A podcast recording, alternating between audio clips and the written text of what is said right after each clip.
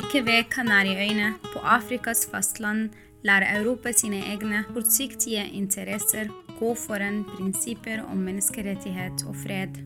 Velkommen til Sandfast, vår podkast om Vest-Sahara, den siste kolonien på det afrikanske kontinent.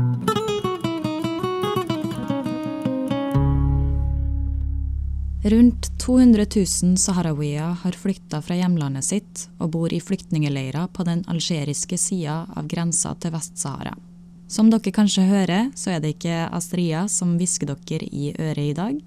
Jeg er Maria Bardal, jeg er lydtekniker for podkasten, og i dag så er det du som er gjest, Astria. Du er av den generasjonen som aldri har vært i ditt eget land, men som er født og oppvokst i de saharawiske flyktningeleirene. I de siste årene har du reist rundt i Norge for å spre kunnskap om konflikten til den norske befolkninga. Jeg er jo en av dem som aldri hadde hørt noe om eh, konflikten før jeg var på sommerleir med Sosialistisk Ungdom, og eh, der sto du og holdt eh, foredrag om Vest-Sahara. Og da ble jeg veldig interessert og engasjert og meldte meg inn. Men ennå så ser vi veldig lite om konflikten i norske medier. Så spørsmålet er egentlig hvordan var det å komme til Norge og oppleve at så få folk vet om hva som skjer i Vest-Sahara? Mm. La meg først bare begynne å si du er ikke alene. Altså, det er mange i Norge som har aldri hørt om Vest-Sahara. Og jeg må bare gå litt tilbake og jeg forteller denne historien, denne historien veldig ofte. Det var barn i flyktningleirene. Jeg ble født og oppvokst i de saharawiske flyktningleirene i sør-vest av Algerie. Og det var barn, så jeg tenker vi alle i leirene hadde verdens lykkeligste, sier meg lykkeligste, happiest childhood, barndom. Og det er fordi du er, du er barn, du tror at hele verden bor eh, eller er i samme situasjon som oss, fordi du har ikke en annen verden å sammenligne det eh, hvor du er med. Så som et barn så var jeg veldig vant til å se folk som kommer fra Europa eh, på besøk til flyktningleirene. Så hvert år ja, for korona så hvert år er det mange fra solidaritetsbevegelse eller folk som vil lære om flyktningleirene, situasjonen i flyktningleirene, komme på besøk til, ja, til lærerne. Um, nå har jeg sagt lærerne hundre ganger.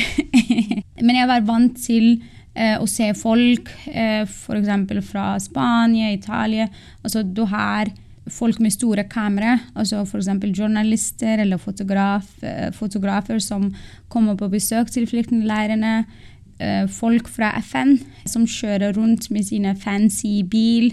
Delegasjoner som kommer, og andre som går. Og så jeg tenkte i min lille hode som et barn at eh, altså, alle i verden visste hvem vi er. Jeg trodde at hele verden visste om Vest-Sahara. Så kom jeg til Norge, og jeg er veldig stolt sånn saharawis. Vi alle er flyktningleirene. Og så presenterer jeg meg og sier hei, mitt navn er Astrid fra Vest-Sahara. Og så får jeg bare hæ? Er det ett land? You know? Og, og, så er det ikke bare Norge. Så har reist til Sverige, til flere land for å snakke om Vest-Sahara, og det er samme situasjon. Det er ganske trist når det har vært over 40 år med den konflikt. Hvordan eh, er livet i flyktningleirene? Kan du fortelle litt om det? Ja, så jeg alltid, f.eks. når jeg holder foredrag, særlig for ungdom i Norge, altså eh, på skoler, så jeg vet at virkeligheten i leirene og i Norge er ekstremt annerledes. Det er to forskjellige verden. Så jeg alltid sier jeg vet at det er veldig fjern fra deres virkelighet, men jeg prøver å sammenligne det, eller prøver å eh, beskrive det på en måte at de kan eh, forstå hvordan er det å være i en flyktningleir midt i ørken. Så leirene de ligger i sør-vest av Algerie, i ørken, som jeg har sagt nå. Så klimaet er forferdelig. Altså, folk i Norge Du er fra Bodø, du er fra Nord-Norge. så det er eh, Folk i Norge klager det er kjempekaldt, og det, det, er vått, det er mørkt. Og det er det. Norge noen ganger har veldig dårlig uh, vær. Men så alltid jeg sier man kommer til å sette pris på det hvis du hadde du bodd i eh, leirene midt i ørkenen i sommer. Fordi. For temperaturen kan gå fra 50 til 55 varmegrader. Det er kjempevarmt.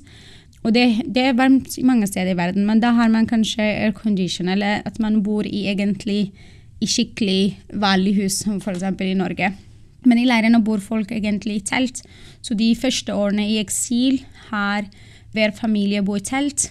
Men igjen, klima er forferdelig. Men det handler ikke bare om klima. Det handler om at leirene skulle være egentlig en midlertidig løsning. Så ingen hadde tenkt at de kommer til å bo og være der for mange år. Så fra å bo i et telt, så begynte vi, altså begynte folk å bygge eh, småhus i leirene. De er eh, laget eh, av leire. Det er sand og vann, sant? så det er perfekt for tørt vær. Men så igjen, det er klimaendring. Eh, noen ganger når det regner i leirene, så smelter alt ned, og alt blir eh, ødelagt. Det er snakk om klima. Herregud, jeg har bodd lenge i Norge til å tenke at klima er Snakk om klima. Snakk om været, som er mest spennende. Men ja, og så bo i, i leirene. Det som er jeg håper for dere som hører på den podkast, eh, og jeg håper at målet med den podkast er at flere folk blir kjent med eh, konflikt om Vest-Sahara generelt, men også om særlig om, som flyktningleirene. Det er en av de største flyktningleirene i verden. Altså det er over som du sa i introduksjon, over 200 000 mennesker som bor der. Og alle er avhengige av humanitær bistand. Så det vil si at alt folk trenger å overleve, mat, medisin, altså vanndistribusjon, alt skjer gjennom humanitær bistand. Men det som er veldig trist, og det som gir meg motivasjon til å jobbe med Vest-Sahara hver dag, er ikke at folk bor i forferdelige forhold. Ja, det er en av de grunnene. Men jeg er veldigvis veldig sint fordi saharawis, vi, eller de som sitter midt i ørkenen i leirene, de er ikke fattige i, i virkelighet. Og de kommer fra et rikt land. Eh, de, et rikt land som Norge. De har nok ressurser, men så sitter de eh, Men det er ikke de som benytter det. Det er andre land som blindrer saharawi naturressurser. Ja, så det er med klima, det er med, med mat. Og igjen, for dere som hører på den podkasten, jeg sier alltid Marie, jeg vil ikke at folk Det handler ikke at folk skal føle synd på de som bor i leirene, eller at jeg sier sånn mye kanskje negative ting. Poenget er ikke at folk bor midt i ørkenen, helt isolert, veldig dårlig helse. Men det handler egentlig at folk har bodd der i over 40 år, og det er fortsatt ukjent. Altså, det er Folk har bodd i over 40 år, og de er fortsatt glemt. Så det er det som er egentlig viktig, at folk vite at disse flyktningene har ikke vært der siden i dag eller for fem år siden, men de har vært over 40 år. Ørken. Når vi snakker om ørken, så snakker man om vann. Og jeg sier alltid i foredrag for nordmenn vann fra alle steder. Eh, det er vann overalt i Norge, men det er dessverre motsatt i eh, flyktningleirene. Det er ikke bare kvalitet til vann, men det er så kvantitet. Ikke bare kvantitet til vann, men kvalitet eh, til vann. FN sier at folk som er i humanitær krise, altså når du er i krisesituasjon, så hver person må få minst 20 liter vann, altså 20 liter vann. I leirene i noen av de eh, delene av leirene så får folk mindre enn hva FN mener er minimum. Altså folk får mellom 12 til 18 liter av vann. Og så nå, Jeg vil ikke snakke om korona, fordi jeg vet at alle er lei av den tema, dette temaet, inkludert meg. Eh, men å snakke om Mens Norge var lockdown i Norge, alt handler om å ja, om Norge og lære opp hvordan dette påvirker oss. Eh, nå i Norge snakker man om vaksiner. Ingen hadde egentlig snakket særlig på begynnelsen av mars i fjor om hvordan den pandemien, denne pandemien påvirker sårbare grupper. Og for meg sårbare grupper, flyktninger er en av de. Det er så lett å si til Norge, her i Norge vaske hendene så ofte som mulig. Og så kommer vi til å uh, unngå at det blir spre av korona. Men hadde man tenkt på de stedene hvor det egentlig ikke er nok vann til å bruke det Altså du har 12-18 liter Marie for dag. Hva skal du bruke det til? Skal du bruke det til Hva skal du prioritere? For å koke mat, for å dusje, som er viktig f.eks. i Norge, eh, skal du bruke det bare for å, å drikke. Ja, så det betyr at folk har bodd i leirene i mange mange år, og det betyr jo også at det er barn som vokser opp i disse leirene. Hvordan er det med utdanning? Hva gjør ungdommen på? Ja, det er egentlig det er veldig spennende i leirene. Altså, jeg mener, når jeg er så spennende, mener det er veldig imponerende hva folk i leirene har oppnå, oppnådd.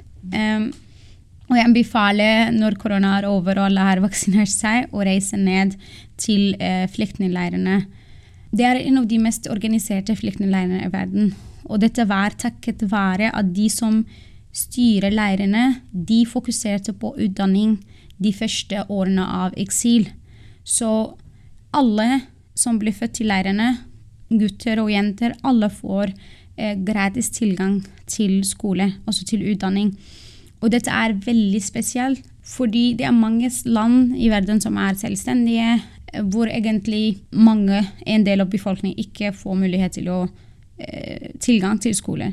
Det er mange land hvor kanskje foreldre har ikke råd til å sende barna til skole. Men i leirene så var vi, jeg kaller det vi var veldig heldige at vi får mulighet til å studere. Problemet bare er at leirene har ikke ungdomsskole. Altså ikke, nå har de kanskje veldig få. Eh, ikke videregående skole i det hele tatt. Så fra veldig ung alder så måtte vi reise fra våre foreldre til å studere. Så enten studerer man i Nord-Algerie, f.eks. meg, eh, eller i for naboland for å studere. Så tenk da du begynner med ungdomsskole. Så første gang jeg reiser fra mine foreldre, så er man 13 år gammel. I norsk standard så er du et barn. I min altså, opplevelse så er man har vært voksen siden 13 år. Siden man var 13 år. Så du er 13 år i sommer pakker vi alt, så du reiser fra foreldre, og så var vi bort i hele studieår. Det blir sånn boarding school, og så reiser man tilbake til leirene. Poenget er eh, vi fikk utdanning litt annerledes enn i Norge, fordi man måtte forlate foreldre. Men til slutt Og Marie, hva er poenget med å studere? Hva er poenget F.eks. du studerer eh, Hva studerer du? Audio? TV TV-produksjon. Ja, ja. Hva er altså Poenget at du studerer og jobber veldig hardt, og du bygger opp kunnskap og kompetanse bare for å komme for tilbake til Bodø og har ingen jobb. Ikke bare jobb, men du har ingen andre muligheter. Og så Norge, ok, Hvis du ikke jobber TV, kan du jobbe noe annet. Men i leirene så er det veldig, veldig begrenset muligheter til å jobbe. Så de fleste av oss Du kommer tilbake med lærerne Eh, til leirene med din diplom. Eh, hvitt mål. Du setter der ved bordet. Du setter drømmene dine ved siden av det. Du setter forventningene dine om livet ved siden av det. Og så man venter og venter og venter og venter. og venter. Beklager dere som hører, det blir irriterende å høre vente og vente og vente. Men tenk 40 år med å vente.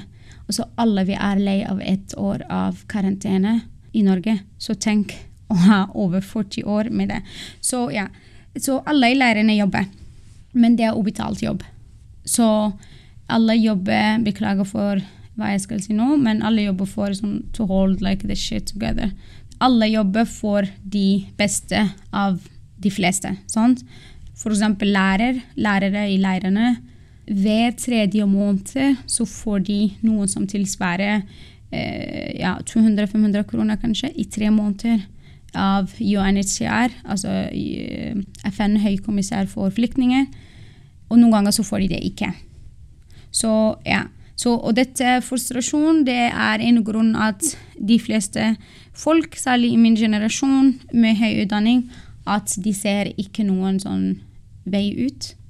Så derfor nå er det krig tilbake og eh, igjen, og mange er egentlig veldig fornøyd med det. Du nevnte jo så vidt eh, pandemien, og vi er alle lei av å snakke om pandemien, men vi må nesten eh, ta med pandemien. For det er jo det med utdeling av vaksiner og testkapasitet og alt som hører med for å få sjakk på koronaen. Hvordan er det i leirene? Ja. Så som jeg har sagt litt tidligere nå, at leirene er eh, ekstremt organisert. Altså veldig organisert. Så, og det var eh, i fjor, da utbrudd av covid-19, så var leirene, eh, myndighetene, veldig raskt på å eh, stenge leirene ned. Så det var ikke mulig for de som kommer fra naboland, eller f.eks. fra Mauritania eller fra Algerie, eller de som kommer fra Europa, å komme inn i leirene. Så de klarte i over, ja, i over fire måneder å beholde korona altså ut av leirene. Men så igjen ble de eh, De måtte åpne opp.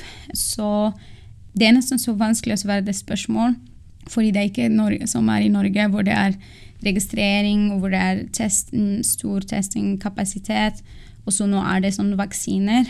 Her vi snakker om ja, skal jeg få Pfizer eller AstraZeneca, mens i leirene så har de ikke engang de riktige testutstyr.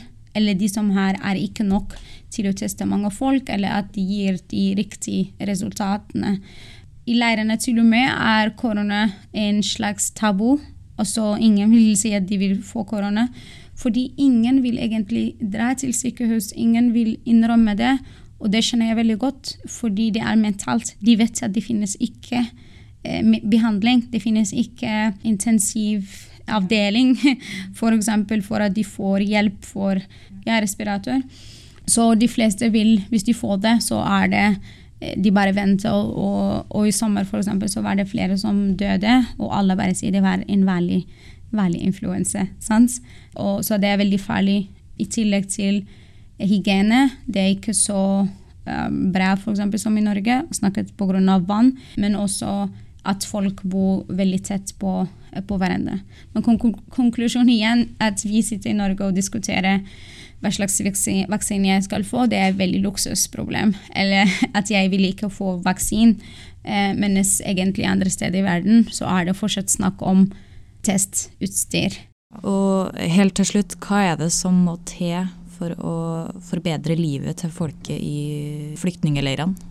Jeg tror, altså, hvis jeg husker riktig, jeg tror uh, Antonio Guterres, og det er han som er FN-generalsekretær nå, da han besøkte leirene, han var leder til UNHCR, og så sa han at bistand er en slags bedøvelse, eller sånn at det er en slags medisin som hjelper deg, men det er ikke løsning.